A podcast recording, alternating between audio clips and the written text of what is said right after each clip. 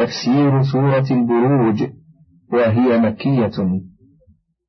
قال الإمام أحمد حدثنا عبد الصمد حدثنا زريق ابن أبي سلمة حدثنا أبو المهزم عن أبي هريرة أن رسول الله صلى الله عليه وسلم كان يقرأ في العشاء الآخرة بالسماء ذات البروج والسماء والطارق. تفسير هذه السورة يأتي في الصفحة الحادية والتسعين والأربعمائة. وقال أحمد حدثنا أبو سعيد مولى بني هاشم حدثنا حماد بن عباس السدوسي سمعت أبا المهزم يحدث عن أبي هريرة أن رسول الله صلى الله عليه وسلم أمر أن يقرأ بالسماوات في العشاء تفرد به أحمد. بسم الله الرحمن الرحيم. السماء ذات البروج. واليوم الموعود وشاهد ومشهود قتل أصحاب الأخدود. النار ذات الوقود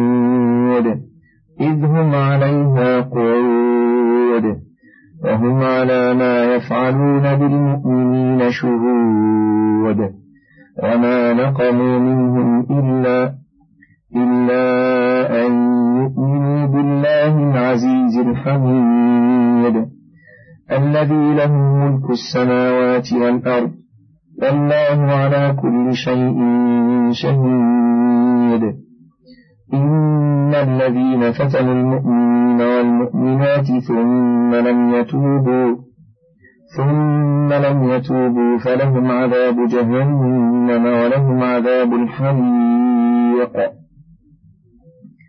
يقسم تعالى بالسماء وبروجها فهي النجوم العظام كما تقدم بيان ذلك في قوله تعالى تبارك الذي جعل في السماء بروجا وجعل فيها سراجا وقمرا منيرا قال ابن عباس ومجاهد والضحاك والحسن وقتادة والسدي البروج النجوم وعن مجاهد أيضا البروج التي فيها الحرس.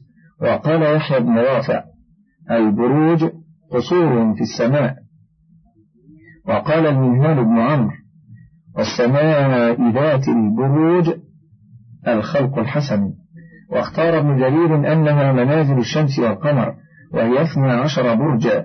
تسير الشمس في كل واحد منها شهرا.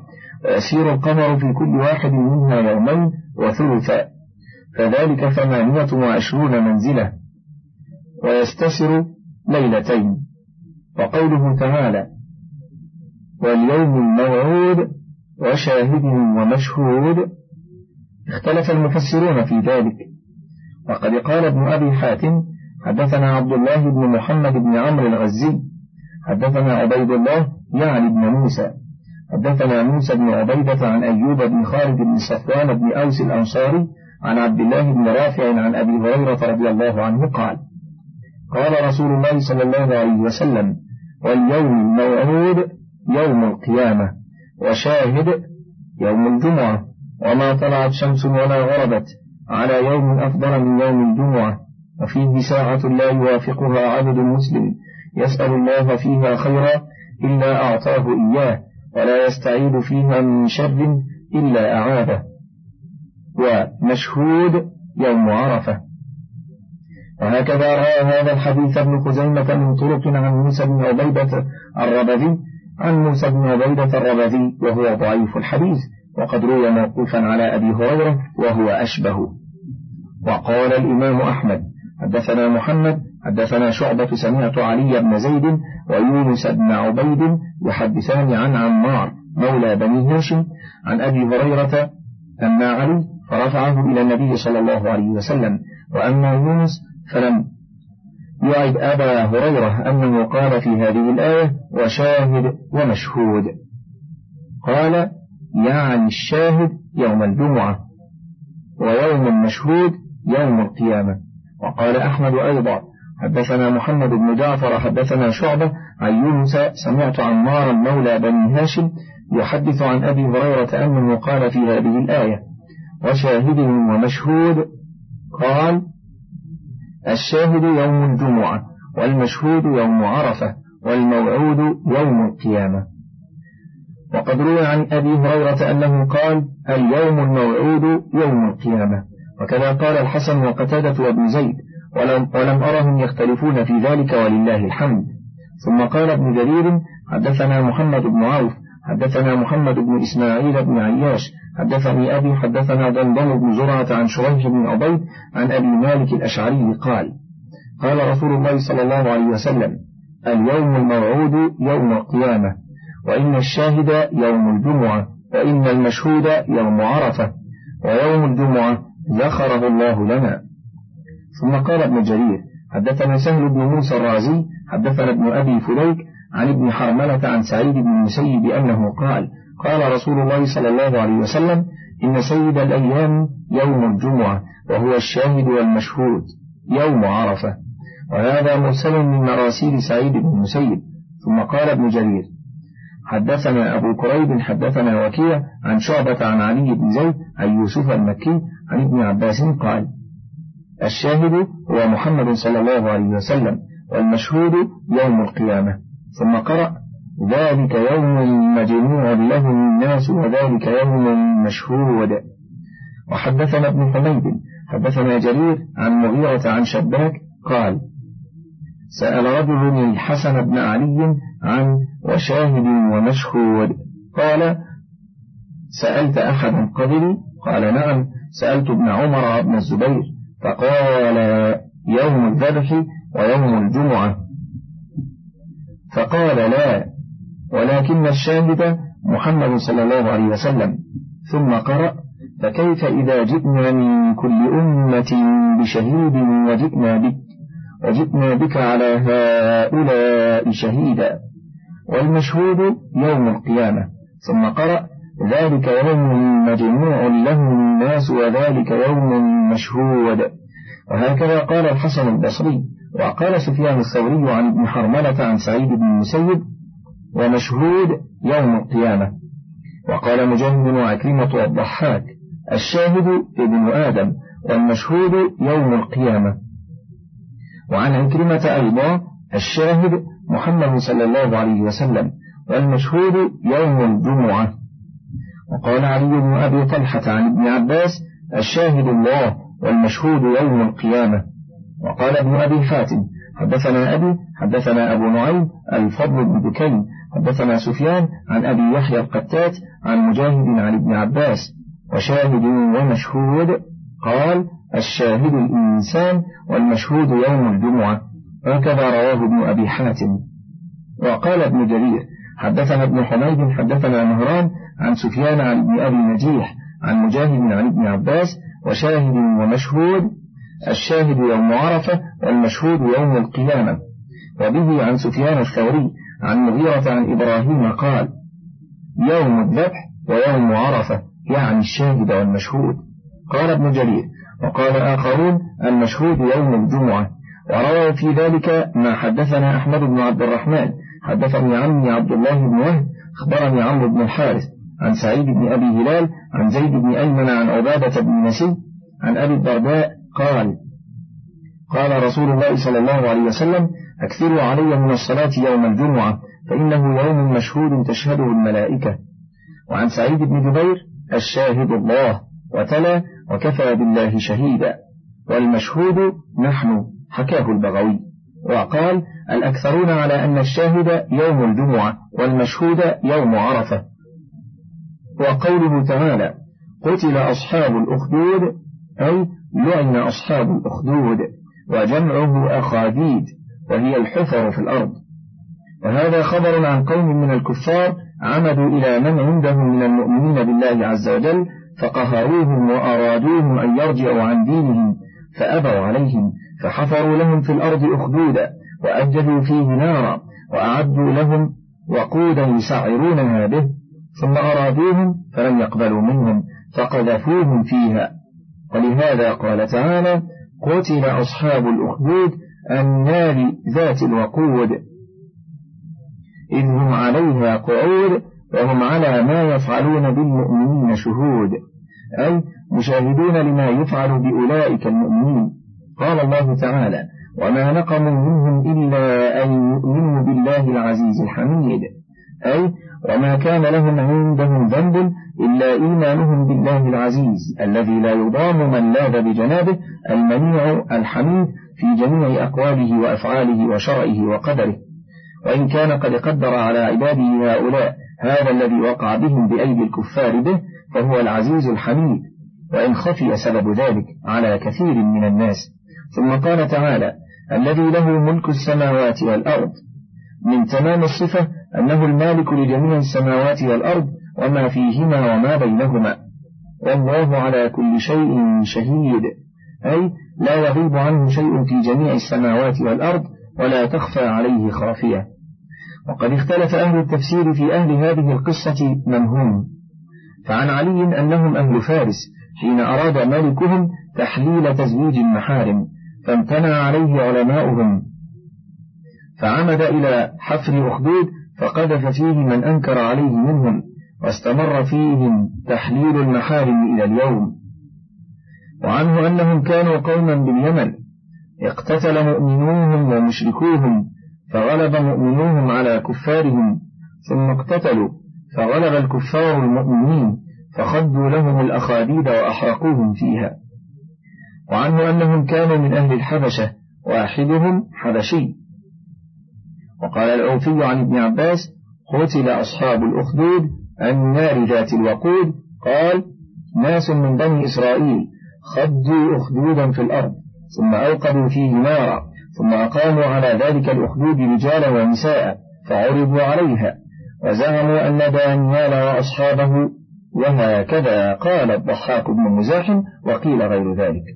وقد قال الإمام أحمد حدثنا عفان حدثنا حماد بن سلمة عن ثابت عن عبد الرحمن بن أبي ليلى عن صهيب أن رسول الله صلى الله عليه وسلم قال كان في من كان قبلكم ملك وكان له ساحر فلما كبر الساحر قال للملك إني قد كبر سني وحضر أجلي فادفع إلي غلاما لأعلمه السحر. فدفع إليه غلاما كان يعلمه السحر وكان بين الساحر وبين الملك راهب. فأتى الغلام على الراهب فسمع من كلامه فأعجبه فأعجبه نحوه وكلامه وكان إذا أتى الساحر ضربه وقال ما حبسك؟ وإذا أتى أهله ضربوه وقالوا ما حبسك؟ فشكى ذلك إلى الراهب فقال إذا أراد الساحر أن يضربك فقل حبسني أهلي وإذا أراد أهلك أن يضربوك فقل حبسني الساحر. قال فبينما هو ذات يوم إذ أتى على دابة فظيعة عظيمة قد حبست الناس فلا يستطيعون أن يجوزوا. فقال اليوم أعلم أمر الراهب أحب إلى الله أم أمر الساحر؟ قال فأخذ حجرا فقال اللهم إن كان أمر الراهب أحب إليك وأرضى من أمر الساحر فاقتل هذه الدابة حتى يجوز الناس ورماها فقتلها. ومضى الناس فأخبر الراهب بذلك فقال أي بني أنت أفضل مني وإنك ستبتلى فإن ابتليت فلا تدل علي. فكان الغلام يبرئ الأكمه والأبرص وسائر الأدواء ويشفيهم وكان للملك جليس فعمي فسمع به فأتاه بهدايا كثيرة فقال اشفني ولك ما ها هنا أجمع. فقال ما أنا أشفي أحدا إنما يشفي الله عز وجل. فإن آمنت به دعوت الله فشفاك فآمن فدعا الله فشفاه. ثم أتى الملك فجلس منه نحو ما كان يجلس. فقال له الملك يا فلان من رد عليك بصرك؟ فقال ربي. فقال أنا. قال لا ربي وربك الله. قال ولك رب غيري قال نعم ربي وربك الله. فلم يزل يعذبه حتى دل على الغلام. فبعث إليه فقال أي بني بلغ من سحرك أن تبرئ الأكمه والأبرص وهذه الأدواء. قال ما أشفي أحدا إنما يشفي الله عز وجل.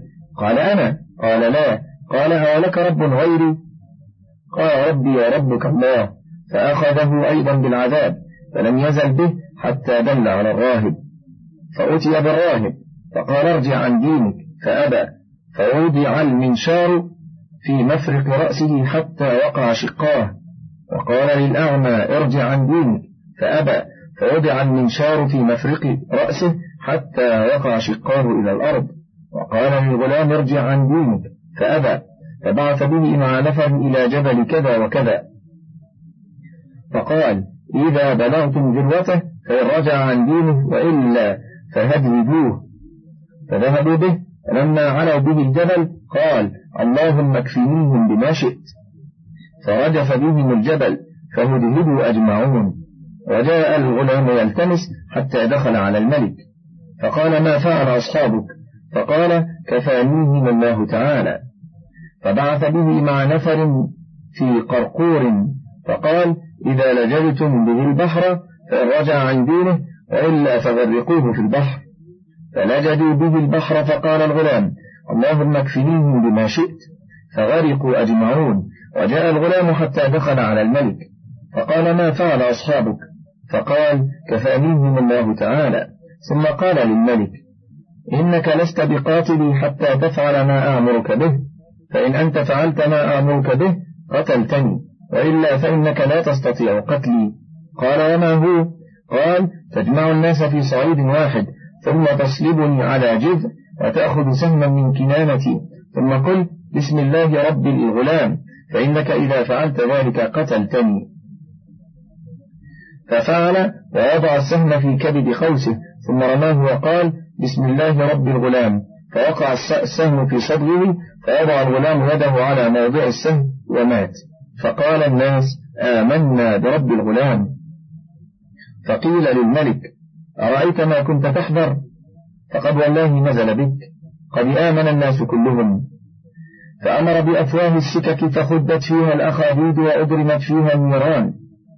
وقال من رجع عن دينه فدعوه وإلا فأقحموه فيها. قال فكانوا يتعادون فيها ويتدافعون. فجاءت امرأة بابن لها ترضعه فكأنها تقاعست أن تقع في النار. فقال الصبي اصبري يا أماه. فإنك على الحق. وهكذا رواه مسلم في آخر الصحيح عن هدبة بن خالد عن حماد بن سلمة به نحوه ورواه النسائي عن أحمد بن سلمان عن عثمان عن حماد بن سلمة ومن طريق حماد بن زيد كلاهما عن ثابت به واختصروا أوله. وقد جوده الإمام أبو عيسى الترمذي فرواه في تفسير هذه السورة عن محمد عن محمود بن غيلان وعبد بن حميد المعنى واحد. قال أخبرنا عبد الرزاق عن معمر عن ثابت البناني عن عبد الرحمن بن أبي ليلى عن صهيب قال كان رسول الله صلى الله عليه وسلم إذا صلى العصر همس والهمس في بعض قولهم تحريك شفتيه كأنه يتكلم فقيل له إنك يا رسول الله إذا صليت العصر همست قال إن نبيا من الأنبياء كان أعجب بأمته فقال من يقوم لهؤلاء؟ فأوحى الله إليه أن خيرهم بين أن أنتقم منهم وبين أن أسلط عليهم عدوهم. فاختاروا النقمة فسلط الله عليهم الموت فمات منهم في يوم سبعون ألفا. قال وكان إذا حدث بهذا الحديث حدث بهذا الحديث الآخر. قال كان ملك من الملوك وكان لذلك الملك كاهن يتكهن يتكهن له. فقال الكاهن انظروا لي غلاما فهم أو قال فطن لقن فأعلمه علمي هذا. فذكر القصة بتمامها.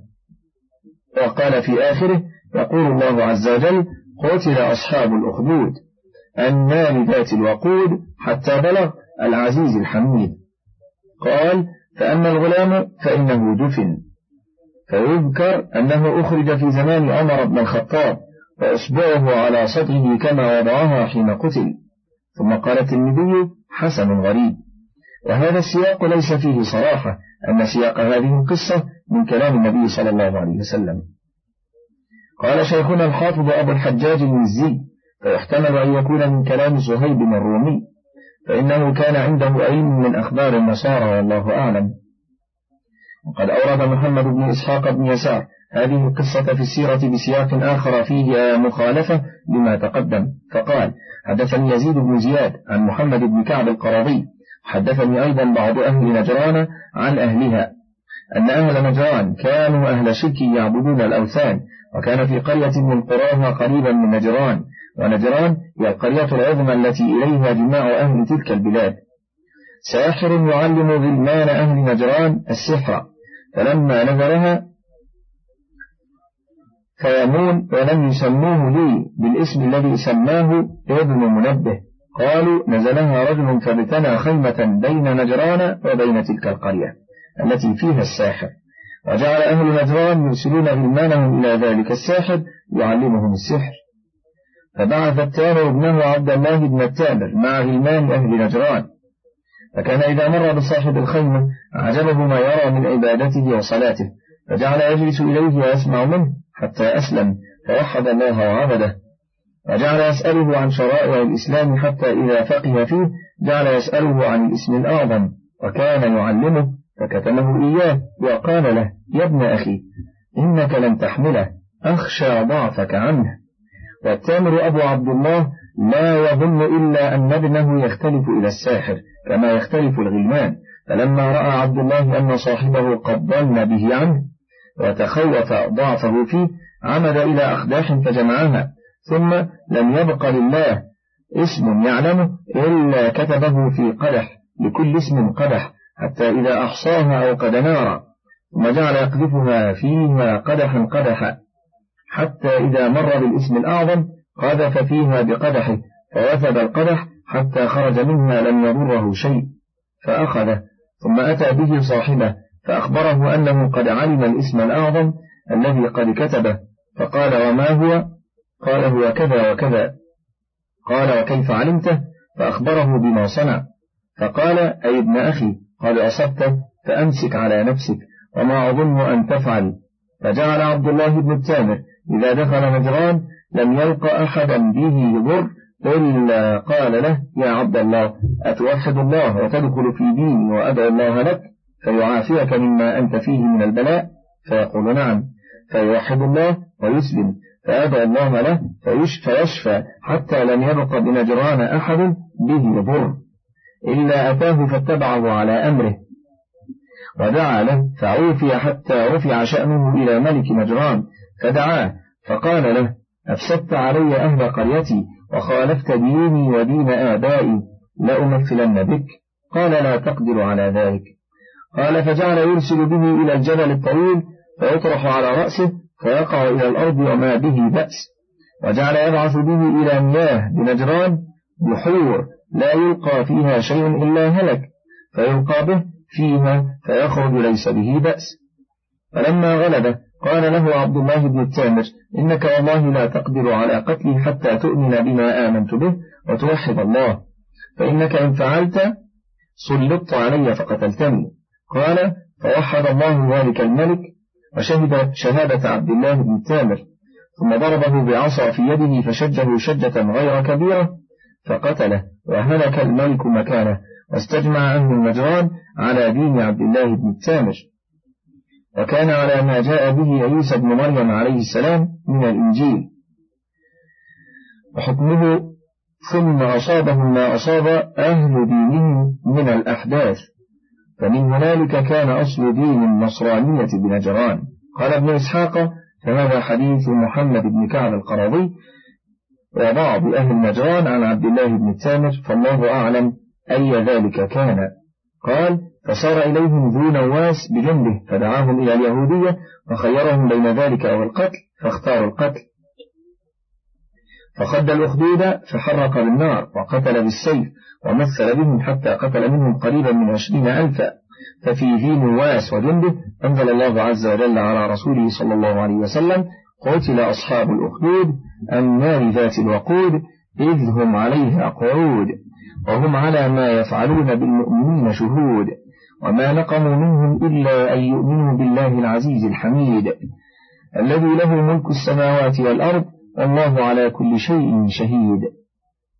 هكذا ذكر محمد بن إسحاق في السيرة أن الذي قتل أصحاب الأخدود هو ذو نواس واسمه زرعة ويسمى في زمان مملكته بيوسف وهو ابن بيان أسعد أبي كريب وهو تبع الذي غزا المدينة وكسى الكعبة واستصحب معه حب حبرين من يهود المدينة فكان تهود من تهود من أهل اليمن على يديهما كما ذكره ابن إسحاق مبسوطا فقتل ذو نواس في غداة واحدة. في الأخدود عشرين ألفا ولم ينج منهم سوى رجل واحد يقال له دوس ذو ثعلبان.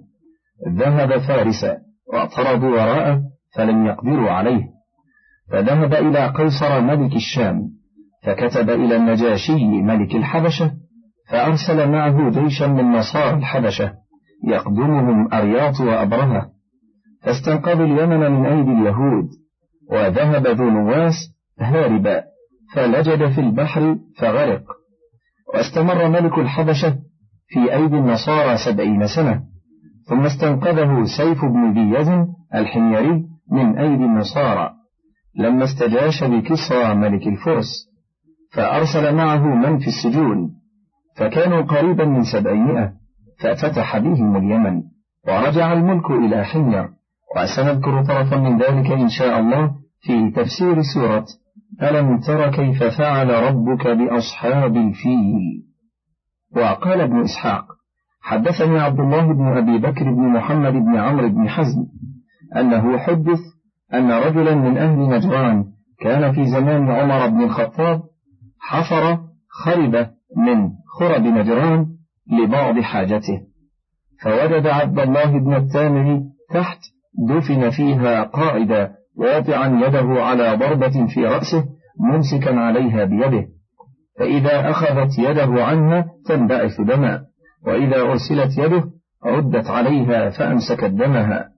وفي يده خاتم مكتوب فيه ربي الله. فكتب فيه إلى عمر بن الخطاب يخبره بأمره. فكتب عمر إليهم أن أقروه على حاله وردوا عليه الذي كان عليه. ففعلوا.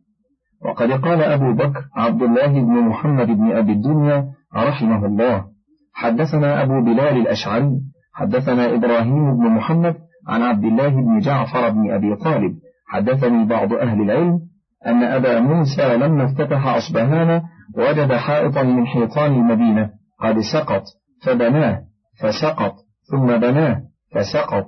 فقيل له إن تحته رجلا صالحا. فحفر الأساس. فوجد فيه رجلا قائما معه سيف فيه مكتوب أنا الحارث بن مضاد. نقمت على أصحاب الأخدود فاستخرجه أبو موسى وبنى الحائط فثبت. قلت هو الحارث بن مضاد بن عمرو بن مضاد الجرهمي أحد ملوك جرهم الذين ولوا أمر الكعبة بعد ولد ثابت بن إسماعيل بن إبراهيم وولد الحارث. هذا هو عمرو بن الحارث بن مضاد وآخر ملوك جرهم بمكة لما أخرجتهم خزاعة وأجلوهم إلى اليمن.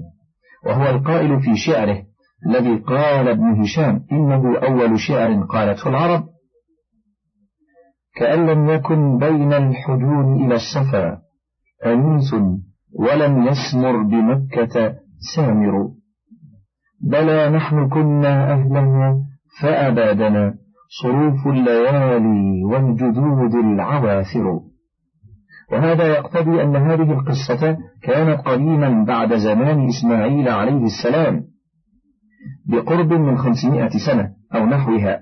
وما ذكره ابن إسحاق يقتضي أن قصته كانت في زمن الفترة التي بين عيسى ومحمد عليهما من الله السلام وهو أشبه والله أعلم. وقد يحتمل أن ذلك قد وقع في العالم كثيرا. كما قال ابن أبي حاتم حدثنا أبي حدثنا أبو اليمان أخبرنا صفوان عن عبد الرحمن بن جبير قال كانت الأخدود في اليمن زمان تبع وفي القسطنطينية زمان قسطنطين حين صرف النصارى قبلتهم عن دين المسيح والتوحيد فاتخذوا أتونا وألقي فيه النصارى الذين كانوا على دين المسيح والتوحيد. وفي العراق في أرض بابل بخت نصر الذي صنع الصنم وأمر الناس أن يسجدوا له فامتنع دانيال وصاحباه عزرية وميشائيل فأوقف لهم أتونا وألقى فيه الحطب والنار ثم ألقاهما فيه فجعلها الله تعالى عليهما بردا وسلاما وأنقذهما منها وألقي فيها الذين بغوا عليه وهم تسعة رهط فأكلتهم النار. وقال أسباط عن السدي في قوله تعالى قتل أصحاب الأخدود قال كانت الأخدود ثلاثة خد بالعراق وخد بالشام وخد باليمن. رواه ابن أبي حاتم. وعن مقاتل قال كانت الأخدود ثلاثة واحدة بنجران باليمن والأخرى بالشام والأخرى بفارس.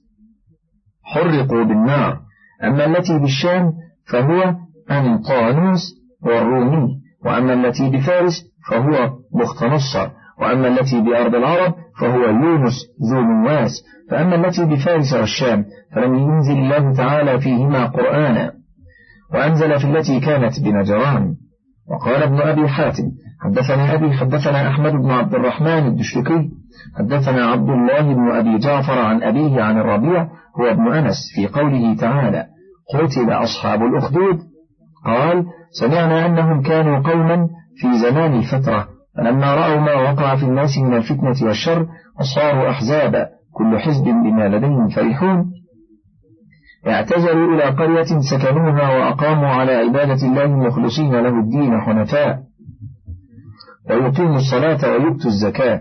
فكان هذا أمرهم حتى سمع بهم جبار من الجبارين وحدث حديثهم. فأرسل إليهم فأمرهم أن يعبدوا الأوثان التي اتخذوا وأنهم أبوا عليه كلهم وقالوا لا نعبد إلا الله وحده لا شريك له. فقال لهم إن لم تعبدوا هذه الآلهة التي عبدت فإني قاتلكم.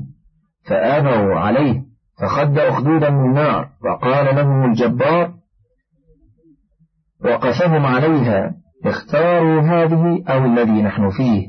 فقالوا هذه أحب إلينا وفيه النساء وذرية ففزعت الذرية. فقالوا لهم أي آباؤهم لا نار من بعد اليوم فوقعوا فيها فقبضت أرواحهم من قبل أن يمسهم حرها وخرجت النار من مكانها فأحاطت بالجبارين فأحرقهم الله بها. ففي ذلك أنزل الله عز وجل قتل أصحاب الأخدود النار ذات الوقود إذ هم عليها قعود وهم على ما يفعلون بالمؤمنين شهود.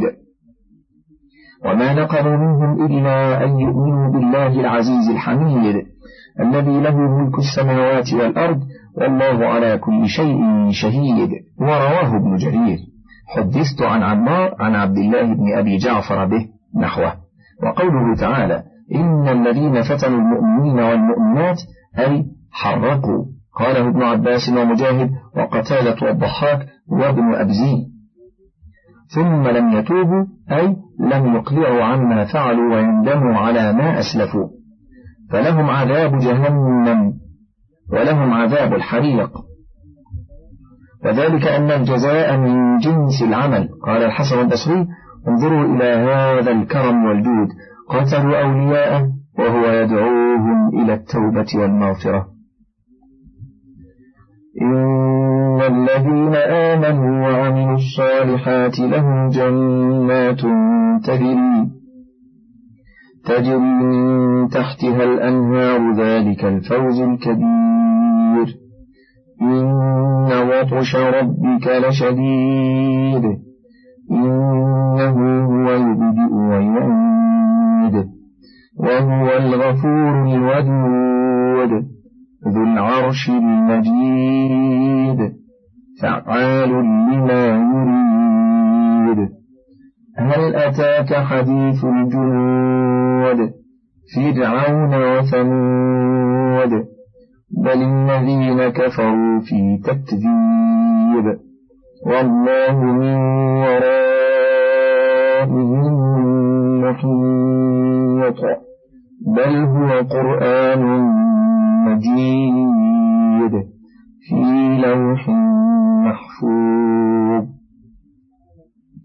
يخبر تعالى عن عباده المؤمنين أن لهم جنات تجري من تحتها الأنهار بخلاف ما أعد لأعدائه من الحريق والجحيم ولهذا قال ذلك الفوز الكبير ثم قال تعالى إن بطش ربك لشديد أي إن بطشه وانتقامه من أعدائه الذين كذبوا رسله وخالفوا أمره لشديد عظيم قوي. فإنه تعالى ذو القوة المتين الذي ما شاء كان كما يشاء في في مثل لمح البصر أو هو أقرب. ولهذا قال تعالى إنه هو يبدئ ويعيد. أي من قوته وقدرته التامة يبدئ الخلق ويعيده كما بدأ بلا ممانع ولا مدافع. وهو الغفور الودود. أي يغفر ذنب من تاب إليه وخضع لديه ولو كان الذنب من أي شيء كان. والودود قال ابن عباس وغيره هو الحبيب. ذو العرش أي صاحب العرش العظيم العالي على جميع الخلائق. والمزيد فيه قراءتان. الرفع على أنه صفة للرب عز وجل والجر على أنه صفة للعرش. والقراءتان. هما ذو العرش المجيد وذو العرش المجيد. وكلاهما معنى صحيح فعال لما يريد أي مهما أراد فعله لا معقب لحكمه ولا يسأل عما يفعل بعظمته وقهره وحكمته وعدله. كما روينا عن أبي بكر الصديق أنه قيل له وهو في مرض الموت هل نظر إليك الطبيب؟ قال نعم. قالوا فما قال لك؟ قال قال لي إني فعال لما أريد. وقوله تعالى هل أتاك حديث الجنود فرعون وثمود؟ أي هل بلغك ما أحل الله بهم من البأس وأنزل عليهم من النقمة التي لم يردها عنهم أحد؟ وهذا تقرير لقوله تعالى إن بطش ربك لشديد. أي إذا أخذ الظالم أخذه أخذا أليما شديدا أخذ عزيز مقتدر. قال ابن أبي حاتم حدثنا أبي حدثنا علي بن محمد الطنافسي حدثنا أبو بكر بن عياش عن أبي إسحاق عن عمرو بن ميمون قال مر النبي صلى الله عليه وسلم على امرأة تقرأ هل أتاك حديث الجنود؟ فقام يستمع فقال نعم قد جاءني. وقوله تعالى بل الذين كفروا في تكذيب. أي هم في شك وريب وكفر وعناد. والله من ورائهم محيط أي هو قادر عليهم قاهر لا يفوتونه ولا يعجزونه.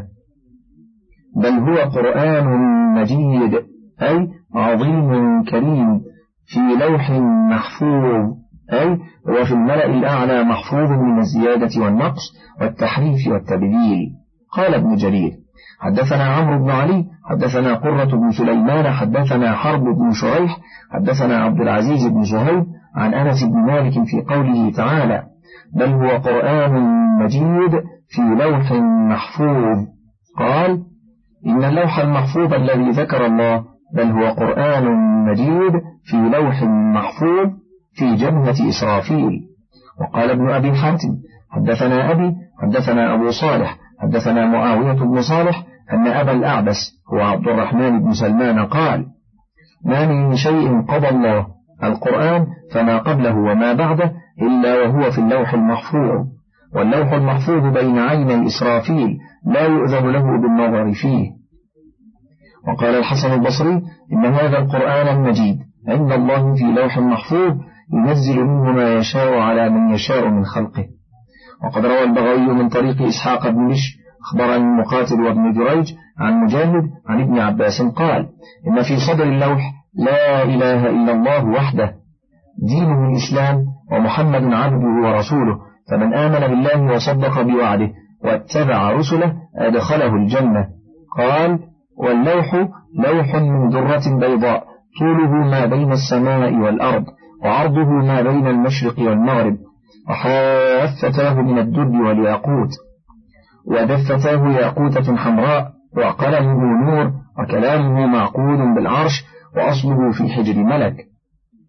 وقال مقاتل اللوح المخفوض عن يمين العرش. وقال الطبراني حدثنا محمد بن عثمان بن أبي شيبة حدثنا من جار بن الحارث حدثنا إبراهيم بن يوسف حدثنا زياد بن عبد الله عن ليث عن عبد الملك بن سعيد بن جبير عن أبيه عن ابن عباس أن رسول الله صلى الله عليه وسلم قال إن الله تعالى خلق لوحا محفوظا من درة بيضاء صفحاتها صفحاتها من ياقوتة حمراء قلمه نور وكتابه نور لله فيه في كل يوم ستون وثلاثمائة لحظة يخلق ويرزق ويميت ويحيي ويعز ويذل ويفعل ما يشاء.